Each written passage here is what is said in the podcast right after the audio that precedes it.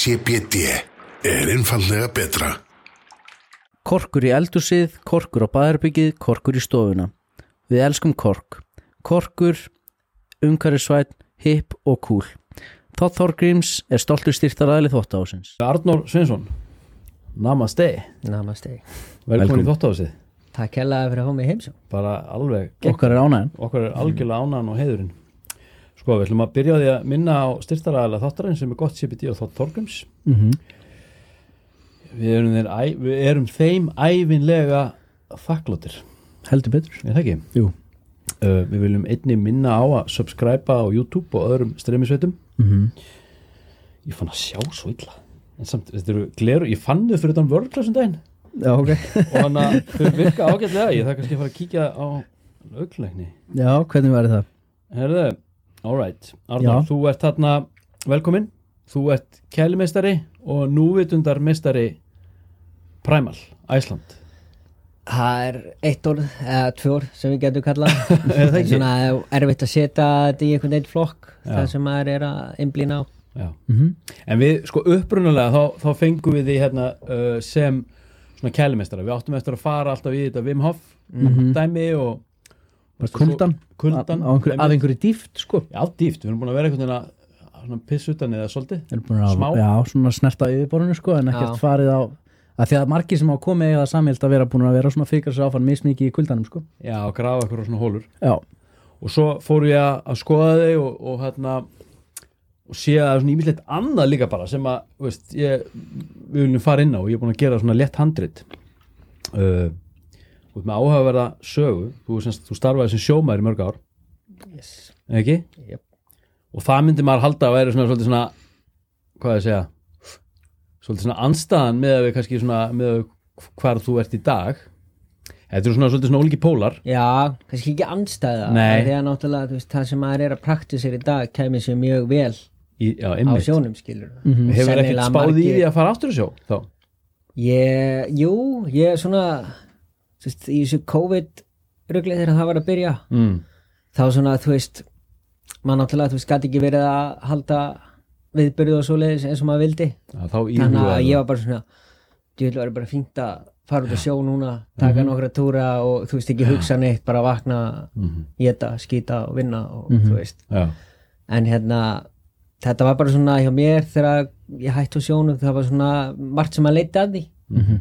Og það leiði að sagt, svona aðal punktur var að frendi minn sem var með mér í sjónum Mhm. hann lést. Mhm, og þá var ég bara svona ok, þú veist, það er eitthvað meira já, í lífinu heldur Hva- að vera á sjónum og vera síðan í landi að, þú veist, djamma, Mhm. reykja gras og, og þú veist, það var svona engin stefna, skilur það var það sem þú varst að gera?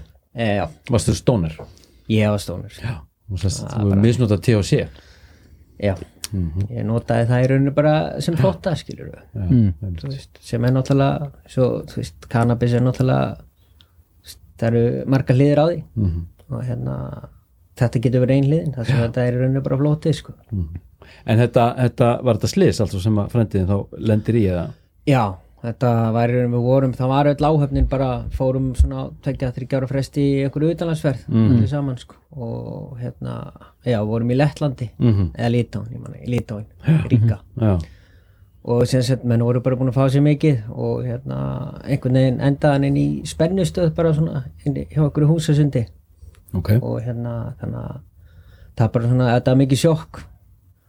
Og einmitt, þá fær maður bara svona högg í andliti skilur þú veist en, Hann endar inn í spennustöð altså, og verður slisið á sér starf þar eða? Já, við raunum vitum ekki, þú Nei, veist, nei, það nei, kannski bara verið, þú veist, vel ölvaður og, og haldið að, þetta er, þetta er ekki eins og í Íslandi. Það virka bara eins og hurðin í húsi eða eitthvað og hérna, en það er náttúrulega átt að vera læst en, en hérna. Þannig að þetta, og þú hefur verið að núti þegar þetta gerist? Já, og þetta hefur virkað sem eitthvað svona hálfgett svona wake up call þá fyrir þig eða?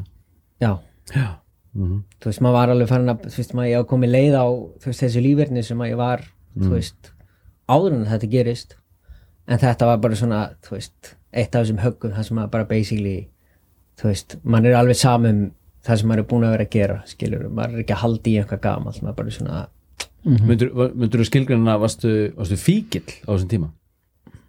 Myndur þú skilgrina þið sem fíkil ég myndi, ég, já, svona þú veist ekki, ekki að þetta er þú veist, það er svo misjátt líka náttúrulega hvað maður er fíkill í Mhm. og þú veist, ég var þú veist, ég var að reykja, ég var að nota, þú veist önnur efni með áfengi Mhm.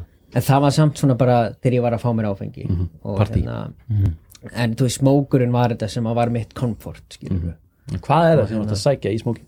Heldur sko á þessum tíma hefur þetta bara verið náttúrulega byrjar bara sem vani mm -hmm. skilur bara vinahópurinn er í þessu þú veist og, og hérna á því þetta virkar í rauninni að því maður heyri sögur af fólki sem er í neyslu sem er komið bara algjörlega á botnin þá virkar þetta einhvern veginn bara að þetta er bara fínt skilur bara, þú veist horf bíómynd, panta pítsu spila tölvuleiki, fá sér smók og, og hérna sem kannski kíkja út í bæ að maður ætlar að fá sér í glas eða eitthvað svoleiðis en þú veist, þegar þú ert að gera því þegar þú ert á sjó, svo ert í landi Já. þá ert ekki í neinni vinnuða neitt. Nei. þannig að þú veist, það Það er er, engin það, það, já, það er engin stoppar þú bara vaknar og kannski bara að ég fæðum bara smók En er þetta ekki rosa algengt meðal sjómanna sérstaklega á lengri túrum? Þetta lífverðni skilur bara svona Jú, ég náttúrulega sko veit ekki hvernig þetta er í dag. Mm. um, og þú veist það er svo langt sen að ég var í þessu. Og ég er alveg nokkuð viss um það að það, eru margir sem að eru til dæmis kannski farin að tilenga sér einhvað af þessum hlutum sem að ég er að, að, að hérna, vekja aðtegla á í dag. Mhm. og þú veist, ég veit bara til dæmis að það eru margir tógar konur með bara þeir eru komið köld kör í hérna, Já, þú veist, og, og ég hef bara heyrt sögur að því að þú veist, þú náttúrulega í sjónum þá er Það ætti nú ekki að vera flókið að vera með köld kör þar sko. Nei. En þú veist á sjónum þú veist, þá er svona bara, bara svona livjabúr skilur sem að stýrimæðurinn og skipstjórun hefur aðgengja skilur ef eitthvað kemur upp og ef menn er að drepa veist, þú fórst bara og fegst íbúfen og varst með vöðabólgu eða eitthvað svoleiðis. og basically bara íbúfen og, og, og hérna, hvað heitir þetta, voltarín eða eitthvað svona, að bara droppa þið niður eftir að menn fóru að kæla. fóru að kæla sko. Já, áhugavert. Þannig að þú veist, það var alveg gaman að sjá hvernig þetta er orðið í dag sko. Mhm. en jú, þetta er alveg þú veist það er svo auðvelt að bara ert í fríi bara, að ég fann bara svo og svo náttúrulega ef maður horfir nokkra kynnslóður tilbaka og það er oft þannig skilur að pappiðin var í sjónum afiðina þá fer þú þannig og Kemur úr svona fjölskyldu það? já, Hva, hvaðan ertu? ég er uppalinn á Altanesi Já, já, hérna ég var á Haffyrðingaskipi já, einmitt og hérna þannig að en pappi minn var á sjónum sem kokkur og, og, og sem sagt ég byrja á sjó sem sagt hjá bróðurinn að mömmu. Já. og þú veist afi minn var líka sjó og svona þannig að þetta er Það alveg liggur í blóðinu. Það er salt í blóðinu sko. Sko, áður við förum úr svona sjómannskunni og yfir í hérna, yfir til Thailands þá hérna langar mér svona aðeins að spurja sko, hvernig uppliður að vera á þessum tíma, þú veist, þú veist kallmaður meðal annara kallmanna á sjó?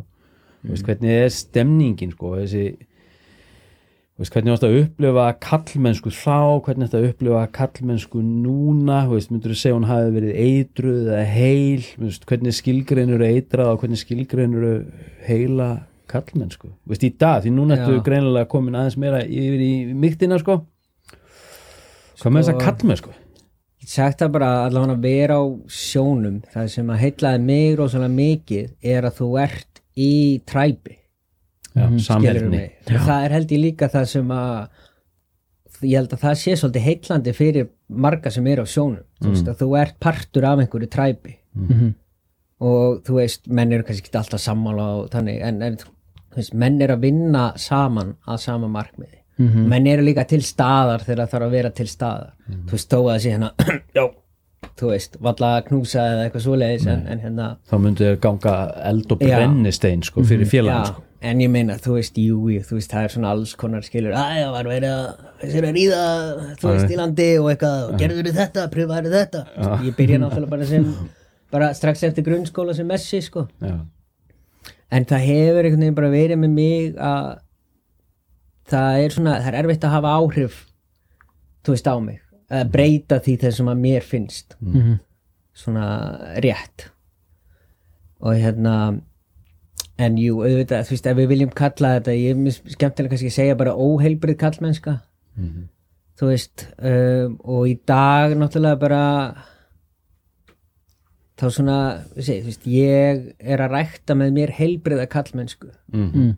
og ég þarf ekki að vera að fókusera mikið á það sem að er óheilbrygt Mhm. og þannig held ég að það hefur bara verið hjá mér með allt skilur að þú veist til dæmis þegar ég hættu á sjónum og ég fer út til Thailand skilur, ég fekk mér alveg stundum í glasana og eitthvað svoleiðis. En þú veist á sama tíma er ég mikið að þú veist ég er að læra hugleyslu ég fer í jóka og því meira sem ég praktisera það Mhm. þú veist, því minna verður hitt áhugavert. Og í rauninni það er bara þú veist, það er ekki þörf fyrir þessa þú veist, hugarbreytingu. Nei. þú veist, þú ert bara einhvern veginn nei, mig langar ekkert í rom og kók núna, Þannig að það er svo að segja í rauninni, það er í rauninni bara afleðingin þá í þínu tilfelli af yðkun mm. sem snýr þá að alls og hugleðslu eða jóka er heilbrið þú veist, þú, þú er rauninni, þetta snýr um að frambúða eftirspurn og þú er rauninni losar þig við í rauninni þessa vankanta sem að já, ég held það bara, skilur þú veist, þú, þegar þú fyrir að rækta sjálfan þig að þú veist, þá finnur út hvað er rétt mm. Skilur hvað, hvað er heilt fyrir þér? Já, og þá er bara ekki rými fyrir þú veist bullshitið skilur nei, einmitt. Já, og þú veist þetta er allt, allt þetta þú veist, eins og það sem við köllum eitur kallmennska Mhm. þú veist þetta eru hegðanir úr fortíð skilur þetta eru, og þetta eru hugmyndir líka. Þú veist fyrir sumum er bara hefur enginn heyrt um svona hegðun skilur um mig eða orðið vitni af því og þú eru heyrað og eru bara absúrt en svo eru sumir kannski sem alast bara upp í kringum svona hegðun. Og þeim finnst það bara eðlilegt. Það er ekki svona vantar í rauninu kannski eitthvað plattform það sem er hægt að ræða um þú veist, heilbrið tengsl. Mm. og hérna það bara svona af því að núna er þetta svolítið bara þú mátt ekki vera svona. Bara skam skiluru og þá svona náttúrulega þú veist að því það er náttúrulega ákveðin orka bak við þessa hegð skilur sem er hægt að í rauninni nýta öðruvísi. Mhm. skilur heldur en að slá á rassin á, á hérna, starfsfélaga eða þú eða veist, vera með dólk vera með dól skilur mig, en allt í henni veistu bara ekkert hvað átt að gera. Og ég hugsa að þú veist, að kallmenn þurfi í rauninni bara að hittast og ræða saman þú veist, hvað er heilbrið kallmennska og hvernig getur maður í rauninni þú veist byrt þessa orku á heilbriðan hátt heilbriðan hátt En af hverju, núna sé ég, það er alls konar svona konunámskeið og kynnast, konur að kynnast konum og konur eru konum bestar og konur þetta og konur hitt og, og allt þetta. Já. Af hverju erum, veist, af hverju eru þá þið ekki, þú ert náttúrulega í þessu, þessu Já. jókakennara bransa og öllu því við vorum eina karl hérna um daginn og mikill mestari skiljið og, og fleiri svona dúta. Já. Af hverju eru þið ekki að prómóta bara einhver alvöru, bara, bara einhver alvöru Það er búið að vera námskeið, fullt af bara, bara kallmennska, bara heil kallmennska bara, bara orðið kallmennska fyrir mér, þetta er orðið bara eitthvað svona semi-tabu bara eitthvað Þetta er alltaf sett í eitthvað svona búninga Já. eitthvað svona bílskúra samfélag sem allir geta komið og laga bílana þetta er búið að vera svolítið mikið núna sko Já, en ég getur ekki bara breytt þessu Já. ég, ég er Já. bara, ég, veist, ég, mig, ég, veist, ég er bara stoltur af minni kallmennsku, altså sem hreinri kallmennsku, Já. þegar hún er reyn sko. Já, já. Af hverju getur, við ekki fara að virka þetta meira og, Jú, jú, og, þetta er boða þetta? þetta er eitthvað sem að er alveg þú veist, í uppbyggingu. Og hérna Er það? Búið að alvörunni? taka lengri tíma Já. heldur en að okkur ætlaði sko. Mm, en hérna þetta algjörlega vantar. En ég veit að það eru, það eru búið að vera einhverjir kallarhingir og svo leiðis og það hefur reyndar alltaf verið þegar ég er með einhvað já, já, en hérna þetta er svona, ég er með fullt af hugmyndum og það er einhvern veginn, eins og við vitið veist, maður er með ákveðna rútínu, maður er með ákveði svona prógram sem maður er lætur rúla, það er þægilegt bara að gera það aftur og aftur. Mhm. þannig að það er bara það er tíma spursmál hvenar að það verður eitthvað í það búið er nefnilega eitthvað ákveðið svona momentum í gangi núna sko, það sem Já. ég finnst vera bara rík þörf á því einmitt að fara að blasta þessu út sko. það er búið að vera svo mikið tal um eitraða kallmennsku já, að við þurfum kannski mögulega að fara að skilgreina þessa heilbriðu sko. Og hver Algjörlega. já, ok bara náttúrulega segið, þú veist, ef við erum ef það er bara verið að fókusura og við náttúrulega skilur við fylgjum svo mikið fjölmiðlunum, Mhm. það sem kemur þar mm. þú veist, þetta er bara þú veist, þetta er aðdráttarafl og hérna, þú veist það er talað mikið um eitraða kallmennsku mm. þannig að ef að við myndum vera með meiri umfjöllin um hvað er heilbrið kallmennska Mhm. að auðvitað þá náttúrulega kemur það meiri upp á yfirborði þannig að þú veist, það er svona veist, þetta er bara þú veist, eins og Guðni segir, skil, allt sem við veitum aðtigli vex og dafnar. Mm og hérna þannig að ef að það er alltaf verið að tala um það sem er slæmt, það sem er slæmt, það sem er slæmt Mhm. þá náttúrulega fær það mikla aðtigli Já, þannig að það þarf náttúrulega að breyta umræðin í skilur ok, hvað er þá heilbrið kallmennska hvað er að vera heill kallmaður Mhm. og ég held líka partur af því fyrir kallmann að í rauninni þessi, fær, heilbreiða kallmennsku eða, eða býr til heilleika með sér mm. að þú veist ef við tökum bara orkunar þú veist bara karlorka og kvennorka Já. þú veist karlorkan og kvennorkan er bæði í kvennmanni og kallmanni Já. og ég held að kallar séu svolítið hrættir við að skoða kvennorkan í sér. Mhm. þú veist það er ákveðið tabú með það. Þú veist þú gæti þá þýtt að ég sé samkynniður eða að ég vil ekki sína þessa hliða mér eða eitthvað svoleiðis. En þú veist til meira þú veist og það er líka bara glata að lifa heilt líf og þú ert með einhverja orku þú ert með einhverja hliðaðir sem þú þorir ekki að skoða. Bara bælt. Bara, þú bæ, og það er líka það sem hefur bara gerst í gegnum aldinar að kvennorkan er bæld niður Mhm. Já, en, en það er í rauninni ekki hægt sko, því hún, hún leitast alltaf eftir að það er það, hún er að koma sko. stert upp núna Já, en hún kemur alltaf fram bara þá oft á vitlisum stöðum ef ég er að þrista þessu einhvern veginn út í hotn sko. já, og það er, þú veist, og þá er það meira aggressiv einmitt, nákvæmlega, í þá í formi ofbeldis alls konar en eins og ég sé bara hvernig þetta er að gerist í dag þú veist, ég sé, kvennorkan hefur verið bæld í bara margar aldir Já. þú veist, bara hvern menn, þú veist, fá ekki að vera þú veist eins og þær vilja vera. Manneskjur. fá ekki að vera manneskjur, skilur, það er ekki langt síðan að bara, þær átt ekki að fá að kjósa, og þar að leiðandi bælu við líka kvennorkuna í okkur, í kallmönnum einmitt. Og núna er hún að rísa upp. Og hún er að rísa upp með rosalega miklu poweri. Já, og auðvitað koma náttúrulega líka öfgar í því. Veist, það er svona slingshot.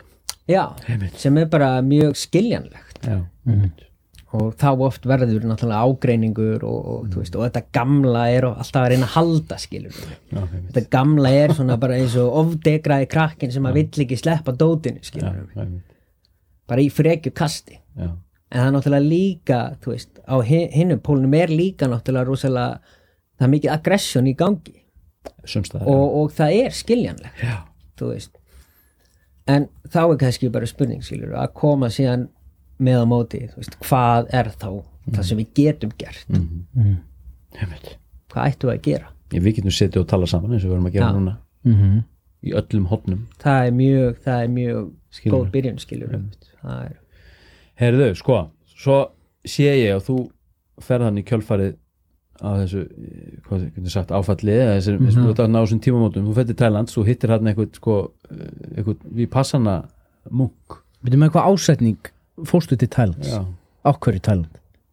uh, ég hafði verið í Asíu uh, tveimur árum undan eða eitthvað svo leiðis Mm. Allar er þá svo þetta andlega ferðalagi eða var þetta bara, allar er bara að mæta á þá var ég í þessum pæling, ég ætlaði bara að fara og læra hugleislu mm. mm fannstu það bara Já, það var bara svona, ég veist, ég hef náttúrulega búin að vera, þú veist, sko, ég hafði skoðað þetta og ég hafði alltaf haft áhuga á jóka og eins með bara frá ég var krakki svona, þú veist, allt svona asíst, skilur, kung fu og tai chi og maður horfði mikið á Bruce Lee og eitthvað svona, þú veist, og maður fann svona, það var svona, það er eitthvað bak við hennan eld, skilur um mig, maður, já, þannig að þetta bara svona, ég basically bara ok, fór hann fyrst í mánuð. Mhm. og þá sem sagt kemst ég í kynni við hennan munk. Og hérna síðan hérna finnst búin að vera hann í mánuð. Þá bara ákveðið þegar ég kem tilbaka ég ætla að taka nokkru túra, ég ætla að koma í búin að leigu og svo ætla ég bara að fara út. Þú veist Mhm. ekkert eitthvað spáði hvernig ég kem tilbaka eða neitt þannig. Mm. þannig að þá fer ég hann út og, og byrja aftur hann bara hjá munknum Hittir hann bara, leitar hann upp eða finnur hann fyrir tilvílun Já, ég fann hann fyrst fyrir tilviljun sko. Þú veist, það var þannig þegar ég fór þann út þá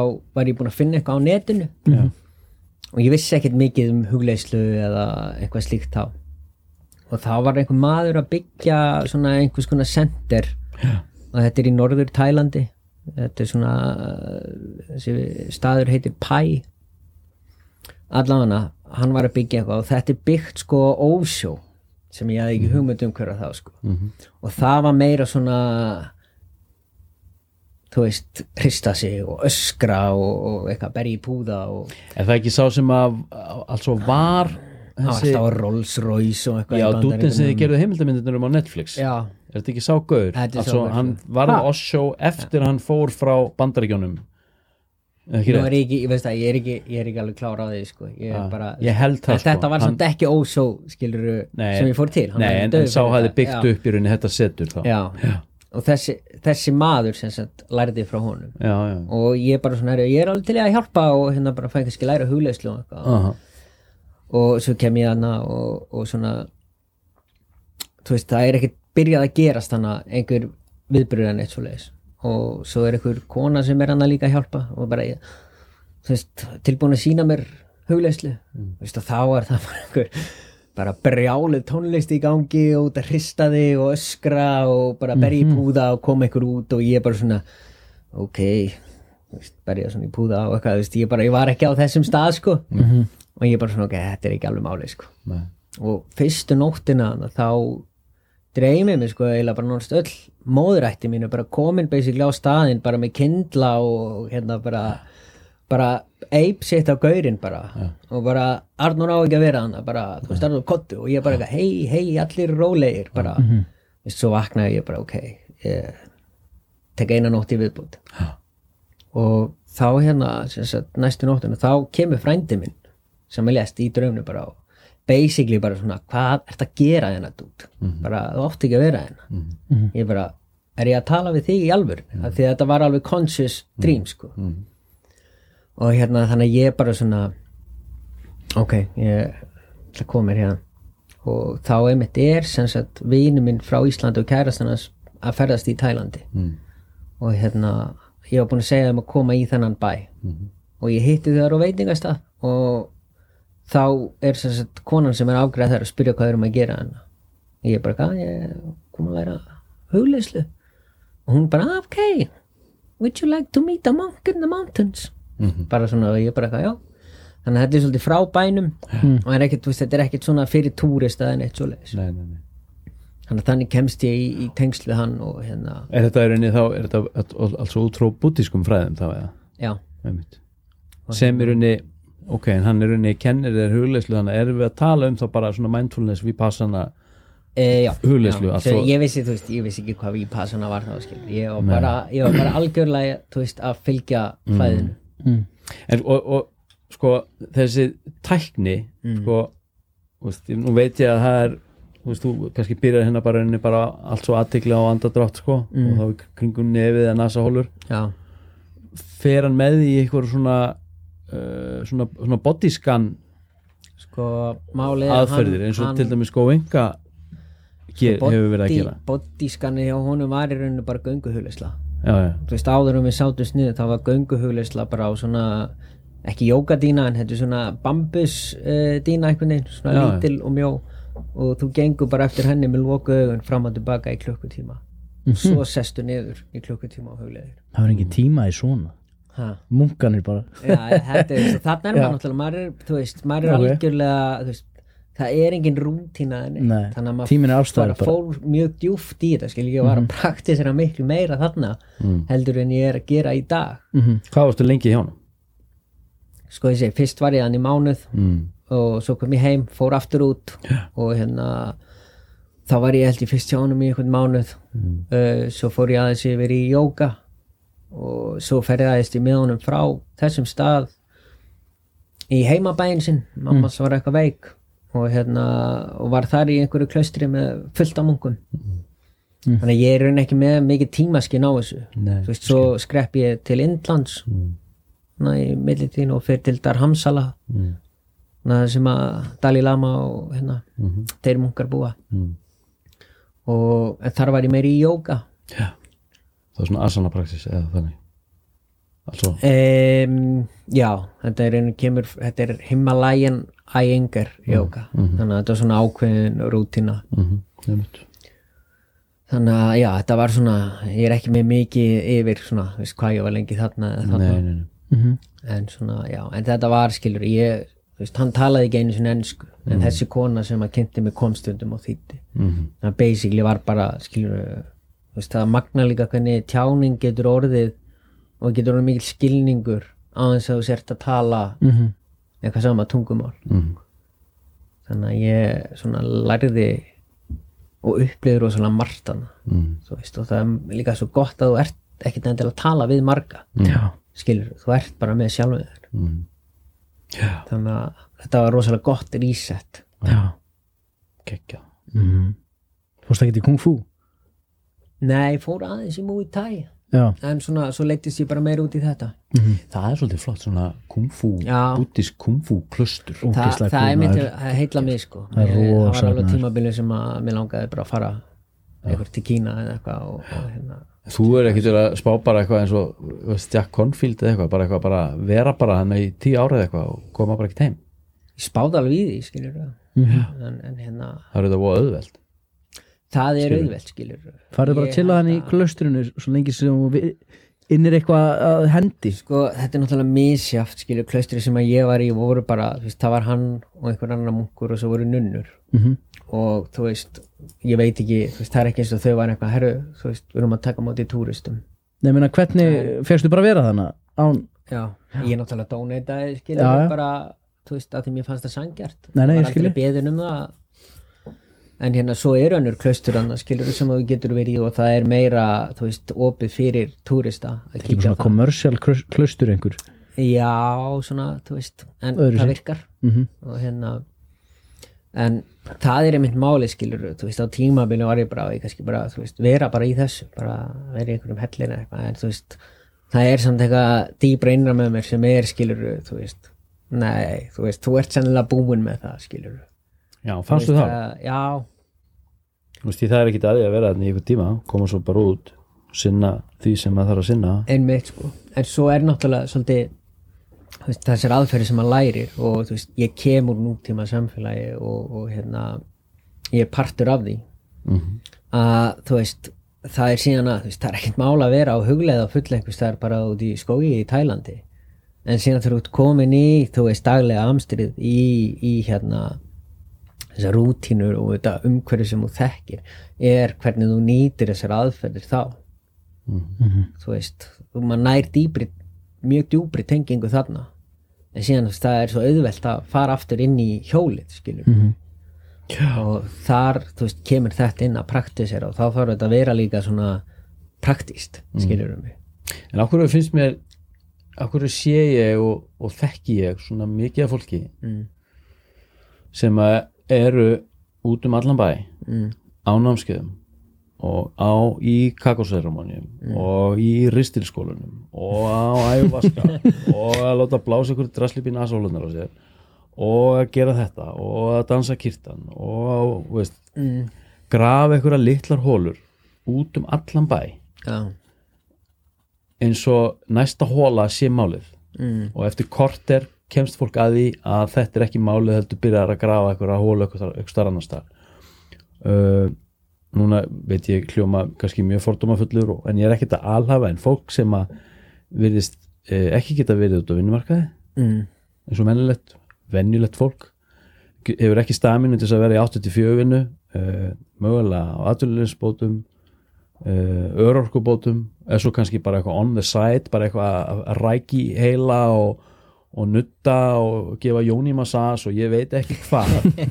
Veist, þetta er það vantar staminu, það vantar þrautsegina og það vantar, veist, ég meina veist, ég átti langt tímabil í mínu lífi þess að ég taldi mig vera sko, taldi mig lifa lífi á andlegum grunni en ég var í rauninni bara búin að klæða mig í búningin sko. og svo 15 árum setna þá líti ég á mína möndru bara meðal annars að vera tilbúin til að sækja njálgameðalið upp á helsugæslu og miðnætti og miðgudegi þegar dótti minni með njálg sko, eða já, retta lúsinni og smyrja nesti og keiri í skólan, gera og græja og sækja á æfingar Mhm. veist, þetta fyrir mér er mantran sko.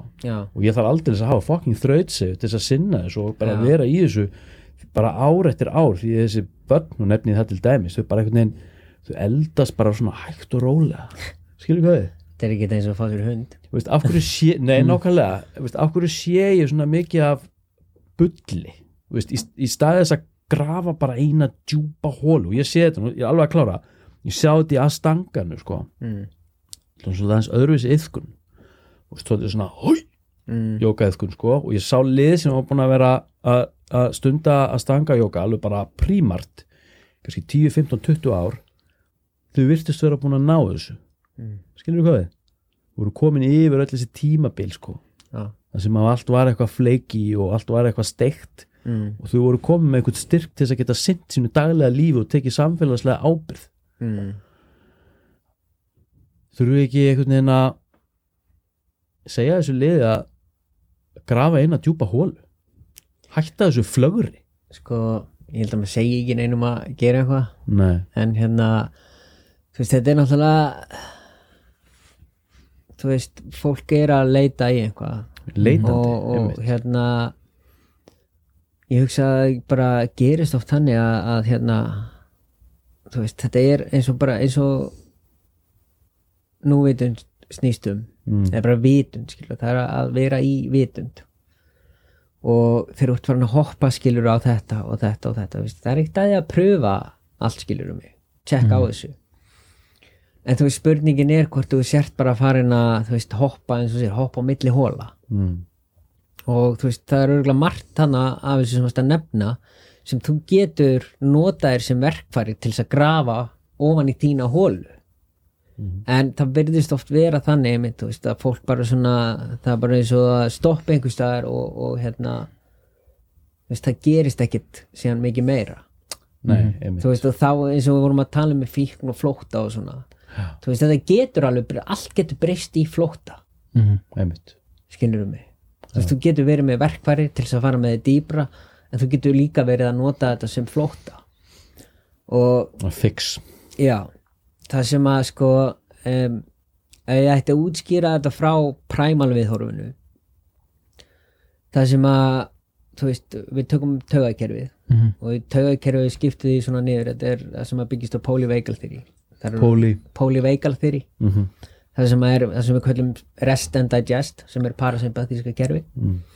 og svo erum við fight það sem þú ert að berjast við eitthvað og það kljást við eitthvað sem er bara nöðsilegt að gera. Svo er flight skilur við, þú ert að reyna eitthvað verkefni eitthvað mission og þá eru íþingjandi þú getur ekki þannig að þú vilt flýja uh, og svo er það frís þannig að ef þú ert ekki með stert fight mode að þá ertu fljótur að fara í að flýja. Þannig að það sem að við myndum segja þar er að það vantar fight mótið í fólkið. Skilur um mig mm -hmm. you can't namaste the bear away.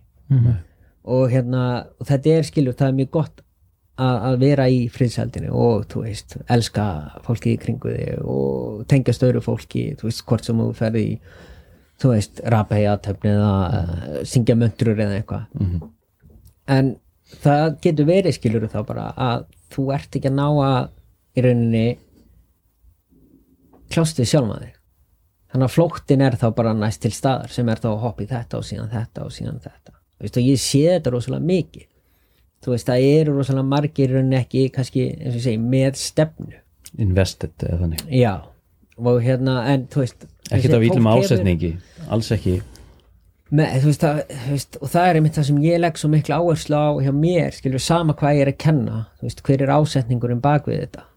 Þú veist, þú getur verið með eitthvað lítinn ásetning en það er svo, finnst mér svo mikilvægt að, að hafa í huga þetta einmitt lærði ég rosalega mikið hjá Guðuna já, að þú þú þarft að hafa sín þú þarft að hafa stefnu. Mhm. og fyrir mér er svolítið mikilvægt og þú mátt skilur ákveða hver tilgangurinn þinn er þú veist það þarf ekkert að vera algjör skuldbinding að það verði síðan alltaf að vera það.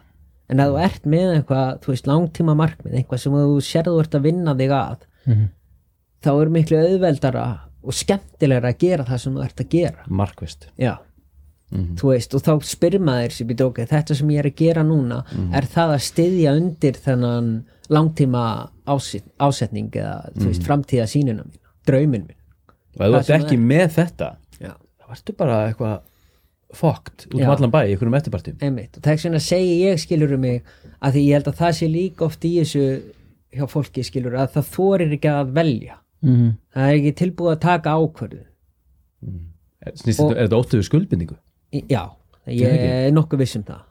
Þú veist, ekki að vera alhafa neitt þú veist, það gengur ekki svona að eitt á alla.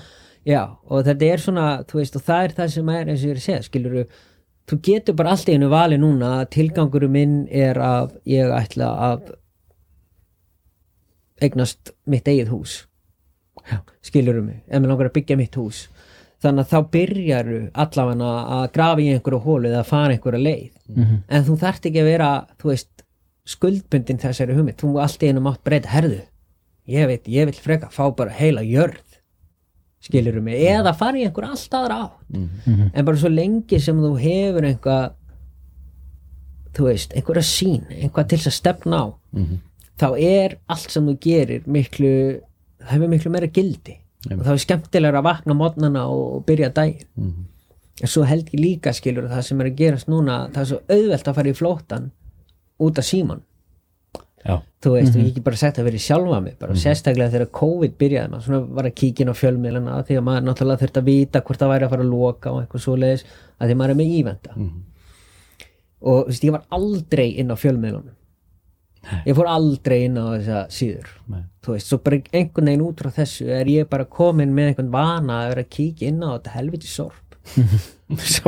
Veist, og ég bara svona, ég fatt ekki af hverju ég er að gera það en ég er farin að gera það þetta hlýtur sko út frá svona uh, veist, altså, að þjálfa aðtiklu annað Já. þetta er að sprengja hana þetta er henni skapar aðtiklisbrest þetta er brestur aðtikli sko þetta er það sko Því ég minna, þú veist, það er valla í dag sko, maður geti bara eitthvað skrolla sig í gegnum svona morstatus bara ef hann er lengri en þrjár mínútur sko. Já. maður það bara eitthvað að hafa sig allan við sko. Já, svo bara er ennast þú veist, ég minna spurði fólk bara, þú veist, hversu marga bækur lestu á ári Já. Nú, þetta það er, er bara að lesa engin eitt sko.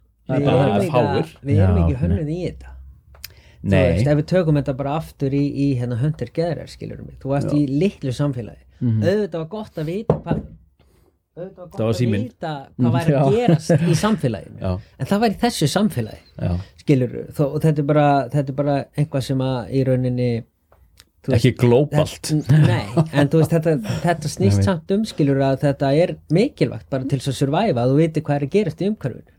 En núna erum við bara komin með upplýsingar allstara Við og við erum ekki hönnuð í þetta. Nei. og hérna þess vegna held ég líka bara aðteklisbresturinn og allt þetta sé bara þú veist og það er það sem að ég trúi því skilur ef, eins og ég er að tala um höndir geðrar skilur þú varst í tengingu við umhverfið þitt. Þú varst í tengingu við náttúruna. Og það sem að við erum núna er og við erum komið svo ógeðslega langt frá náttúrunni að það er bara stór partur sem að við erum ekki í tengingu við Erum við ekki bara, er, erum við ekki bara að breyta náttúrunni? Þú veist, Er þetta ekki bara eitthvað þróun? Við erum bara saminast vélunum Já, ég meina, veist, við Já. erum bara okkur svona smá svona vakstar Já. face núna sko ég held til dæmis bara þú veist, eins og ef, ef við færum að samanast vélum skilur, þá við þurfum alltaf þú veist, við þurfum alltaf þessi tengingu við náttúruna og það er það sem ég held er að gera skilur, að við erum það langt frá henni við erum það tind að við áttum okkur ekki á því skilur að þetta er tengingin sem við þurfum Já. Og, og hérna Við erum í alg, við algjörlega sam, skertri samkenni mm. náttúru og þess vegna held ég að veist ástæðan fyrir mest af þessu bara vesen í dag, bara þunglindi og kvíða og öllu þessu er að við erum inn í einhverju, veist þetta er, þetta er eiginlega bara eins og fangelsi skilur við erum við erum inn í einhverjum steipuhúsum, inn í einhverjum kössum Engavætt og, og við erum að einmitt, og við erum skilur í einhverju hamstrahjóli til þess að geta borgað til þess að vera í þessu. Þú veist, við erum basically bara að borga fyrir að vera þannig sé í fangelsi. En getum við ekki fundið millivegin veist, Jú, það er- Þessi ég snýra svona samfélagslega ábyrg Get ég ekki verið er hefði milli- andlegur á Nei, því nei, við erum bara að fara út í hellirinn og vera, nei. Nei, Það er- hvað, líka að leggja til samfélagsins sem við búum í sko. Er það ekki bara hugmyndinans vinnur okkar hérna, hvað heitir hann sem að býr upp í rauðvat? Tryggvi? Það, hann Vera með litla svona pú, pú, pú, ættbálka út um allt sko, hann Jú, talaði það er um það. svona frekar svona, svona radikal dæmi sko. Það er nú milli Þú veist, En get ég ekki bara verið þú veist, bara, Það geta ekki allir flutt í sveitina en eða þá skilur- bara sem dæmi skilur um mig þú veist, einmitt, þú sinnir því sem að þú þarft að sinna. Einmitt. Þú veist, en þú verður líka síðan að, þú veist næra þennan þátt í þér sem að er náttúrun sem er Andan. tenging við náttúruna. Mm, þú veist, og það er ekki erfitt fyrir okkur að gera það til dæmis hérna á Íslandi. Nei, þú veist, við erum bara tíu mínútur hérna rétt út fyrir bæinn og þú ert komin bara í mjög reyna náttúru. Mhm. að þú veist, en þetta er svo þú veist, þetta virðist alltaf þrengjast og þrengjast meira að fólki, mm. alltaf meira og meira og, og þetta skilur þetta hamstrahjóli er náttúrulega bara orðin vani hjá, hjá okkur. Bara streitu ástandið er það sem þú þekkir betur heldur en slökunar ástand ég það er bara valla við þekkjum slökunar ástand Nei. bara yfir höfuð sko. og þarna er skilur þú veist, þegar þú ert í streitu ástandi þá framleiður náttúrulega ákveðna hormóna. Og líka minn byrjar á því að vera bara háður þessum hormónum. Mhm. þú veist, maður bara þekkir svo mikið að dæmi fyrir fólk sem er í hamsturhullu og það kemur kannski á retreat hjá mér eða tekur bara einn dag það sem er að slaka á og það getur ekki slakað á. Skilur mig, það er af því að þú veist, líka minn er hvað, Og- hva, hvað er það hvaða hluti af líkamannum er það? Heilir talað um svona sásauka líkama og, já, og veist, ég menn, veist, hvað, hvað er það sem að hver, hvað er háð hormónunum? Líka minn það er bara, þú veist, þetta er, þetta er alveg eins og bara, þú veist að vera háður einhverju þú veist, bara háður, háður skilur, þú veist að kókaini er ekki gott fyrir þig. Nei, það er samt geggjað þegar það var geggjað. þú veist, en það er samt skilur þú veist að það er ekki gott fyrir þig, þú ert að gera þú færð ákveði kikk út úr því og líka minn náttúrulega releasar ákveðnum hormónum sem þú verður háður. Sam er bara með streyta ástandi. Þú veist, þú ert það mikið í þessu að þú ert orðin háður því. Svo kemur kannski smá moment, döl moment og þú ert bara, uh, ok ég fyrir aftur inn í hóli bara, það er ekki hægt að sleppa. Það er erfitt. Og þess vegna skilur þar maður að þjálfa slökunar ástand, maður þarf að og þjálfa ofta fá hjálp við það sko. Já. Það er skilur eins og þá er kuldin góður. þá er kuldin mjög kuldingur og demba okkur út í kuldan já, hendum okkur í kuldar sko, því að, veist, við erum, erum ekki búin, veist, það er hana kakóið og skálarnar og allt þetta drasl, við þurfum ekki að fara í þetta. Við erum búin að fara í við erum þetta. búin að fara alveg djúpt í Þú veist, þetta það var, eitthvað, var ekki eitthvað sem saði við því í dag? Ef ég heyri eitthvað meir um kakó þá bara æli upp í mig. Var ekki eitthvað sem saði Jú, það? það var eitthvað konu sem sagði það í dag. Já. ekkert beint að því, hún vissi ekkert að þú er að koma. hún bara var að hlusta á vital og þá kom þetta, þetta geta verið fordómar geti verið eitthvað, eitthvað Ég var sjálfur sko, þegar ég hérna bara, sko þegar ég kynntist kakóinu það hjálpaði mér rosalega mikið. Hvað þá, er það félagskapurinn, klíkan? ég, já, ég held að sko fyrir mig þá var ég uh, á þeim tíma var ég komin úr sambandi og svona á einhverju svona milli bílis ástandi og, og hérna einhverju smá þráhyggju og eitthvað svona. Og þú veist, ég hafði aldrei heyrt um þetta áður. Þú veist, ég held ég væri bara að fara í eitthvað svona skemmtilegt dæmi og eitthvað. En það virkaði geðvægt vel á mig. Ég satt næst í þrjá tíma bara í Lotus og meðan allir aðri voru að syngja einhverja möndrur og eitthvað dæmi. En hérna það sem ég held sko að kakóið hafi gert og, og hérna um, sem sagt Júlia og þá er þetta kæristennar sem að kom með þetta til Íslands er að við sköpuðum rými til þess að koma bara og vera saman. Mm -hmm. það var ekki endilega að þú varst að fara að gera eitthvað við passan í klukkutíma og fara heldur komum við saman í rými í rauninni í okkar ferðalagi en samt sem stuðningur fyrir hvort annað og leiða okkur að opna hjarta og deila því sem við erum að upplifa. Hvað þýðir það að opna hjartað? Það er að það er að hleypa því á yfirborðið sem að maður er kannski ekki alveg tilbúin að vera að tala alltaf um. Mm. vera veist, berskjaldað já, en er kakóið kakóið þá bara til þess að eitthvað sameigilegt er það bara sem saminur Bæja, það, er gaman að koma og drekka kakó en aftur á móti bara, þú veist, þá er kakóið, þetta er talað um sem hjarta meðal þú veist, þetta er hartopening þú, þú veist, þetta eigur blóðflæði þetta hjálpar súrefnis upptöku líkamannum og, og þú veist, þegar ég var að, að fara að byrja að nota þetta í því sem ég geri, þá vildi ég ekki nota, skilur eitthvað kakó, bla bla og ég rauðvín? gerði það ekki fyrst. Rauðin já, það virkar eins og mig. Ég, sko, ég, drek, ég drukkið Já. svolítið af þessu kakói aldrei í hóp. Alltaf Nei. yfirleitt einn. Já, þetta er rosalega nærandi en málið er skilur kakóatömm er ekkit bara einhver skilur, ég nota kakó allt öðruvísi heldur en einhver annar. Já, þess að ég verið, fyrst vildi ég ekki nota eitthvað í viðbyrnum kakóferðalag eða eitthvað svoleiðis. Nei. en málið er bara, þú veist fólk fílar þetta.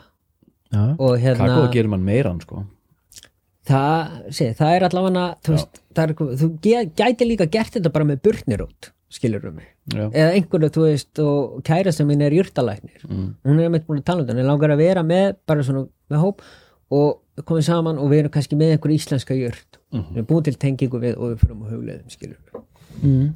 þannig að en við skulum ekki fara meira út í er, víst, þetta var fínt þetta var bara en hérna mér finnst gott að nota það í því sem ég er að gera Mhm. og hérna en eins og ég segi, þú veist, þá er þetta þetta er svo misjáft eftir hvernig fólk notar þetta. Mm Mísjöfnar Svo er bara aðferðir kannski og mísjöfnar Já, svo er náttúrulega líka hluta þess er þetta kakó kemur inn og þá var allra, skilur, fólk þekkir þetta ekki og þóra þetta er öðri sér skilur já, og þannig svona byrjar hvort sem að, svo heyrir maður rosa mikið en það er bara sami jókað og, og jafnvel já, kuldan svo er líka bara hver er bak við þetta skilur, hvert er intentioni með þetta ef að Bjarni Ben var alltaf með kakó retreat, heldur að vera þá cool? Heldur að það var allir ég held að yeah. gott, ég held að veri gott verið Bjarnar Ben að fá Chicago og líka fyrir Já. okkur, ég meina hann er alltaf fjármálar á þeirra ekki? Já, jú, ég held að það var mjög gott fyrir okkur sko. Bara koma hérna um hérna Þetta með liðið myndi musteri hittast þannig á tjarningundu bara eitthvað að fá sér kakó og, og kannski smá sveppi og og, reykja hamp. Reykja hamp. Ég ætla að sína það það á eftir maður. Jesus, ég ætla ekki að fara að reykja það ég ætla að sína það. Já, sko, ok, já, kuldir maður. Hvernig, að hvernig stöylast kulda. inn í kuldan þú, að því þú ert í Tælandi. Það er heitt. Það er mjög heitt. Já. og þú ert á ákveðinu vegferð og Já. ert búin að já, þetta er í rauninni sko þetta er ekki fyrir en 2017 held ég sem ég byrja að skoða þetta. Mm og hérna ég hérna mynd, þá var ég að fara í gegnum break-up sko. Ertu búin að hætta svona, svona mörg break-up? Nei, Eða er þetta það sama er break-up ekki. Ég hef hérna uh, byrjað, þú veist, ég var bara langt fram aldur var ég aldrei í neinu alvarlegu sambandi sko. Mm -hmm. en hérna allavega þarna svona er ég bara eitthvað, uh, ég er að gera eitthvað. Og tók námskeið á netinu fundamentals námskeið. Og ég bara fílaði þetta svo í tætlur. Öndunina og kuldan þá? Já, mm og hérna og ég er bara svona, herri, ég ætla bara að fara í þetta kennaranám og ég fer fyrst út til Pólland semst ekki í kennaranám, heldur bara í svona fimmta ferðalag þetta er alveg bara Vim, þetta er Vim Hof sjálfur bara, mætir hann ekki Þarna. alltaf alltaf það sem hann auðlýsir e, þarna sem að e, í þetta skipti sko en svo þegar ég var í kennaranáminu þá var hann einhvað með okkur hann Mm. hann var, fór reyndar fór allt í fokk hann í, í þessu kennaranámi sko Okkur. það er sérst partur af þessu er að labba upp á hann að mannsnjaska já, sem á að er á Brannarbusun Já. já, og þú veist, við vorum bara að labba hann upp og komið mjög nálægt í að fara á toppin og það var bara eins og gerist í Íslandi það bara kom einhver stormur sem var ekkert í spáni eða neitt sko. Mm. og hérna bara þú veist hópurinn háspenna Blundraðist lífsætta í, já, þetta var bara mesta, mesta survival mode sem ég hef upplifað, var hann sko. efst uppi Nei, hann var fannin til Ástralíu. Heyrði, það er kallað hann að hræsni það voru, hérna, það voru bara, þú veist, þarna er líka náttúrulega verið að þjálfa nýja kennara, skilur, til sem þetta tekið við þessu. En hérna, það var skilur bara, þú veist hópurinn bara fjárstæðast í sundur og hérna, og, þú veist, það vissi enginn hvar einhver var. Og það var bara, voru þess að tvei ljósmyndara með okkur sem voru náttúrulega full klættir og þeir bara, ok, við erum að snúa við veist, og það var alveg margir metrar á millin okkur að hópa og þú veist maður var náttúrulega bara nærbyggðið með fóasinn gleru sko. og er engin ég- varaföt einhver stær í Jú, jú, við erum, við erum bara með fötun okkar náttúrulega í bakpók Já, ok. þú veist. þannig en við vorum náttúrulega bara að reyna að skipta um föt bara hennar með frosnar hendur. Maður fór í hann sem hann gatt og svo maður bara að fara niður og þú veist það var bara fólkana sem var bara skilur sem voru bara algjörlega komnir í frísmót. Það var bara, þú veist, bara skiljið mig bara eftir hérna. Og hérna en ég sko þetta er samt bara eitt besta moment sem að ég hef upplifað í missa ég hef aldrei verið í jafn miklu flow state og bara þú veist, ég, ég hljópa hana niður og þetta var þannig, þú veist, svo svona grjót sem voru byrjuð að í, vera ísuð. Ég Mhm. var náttúrulega á brottum. Veist, ég vissi ekkert hvert ég var að stíga en ég bara einhvern veginn bara niður. Mhm.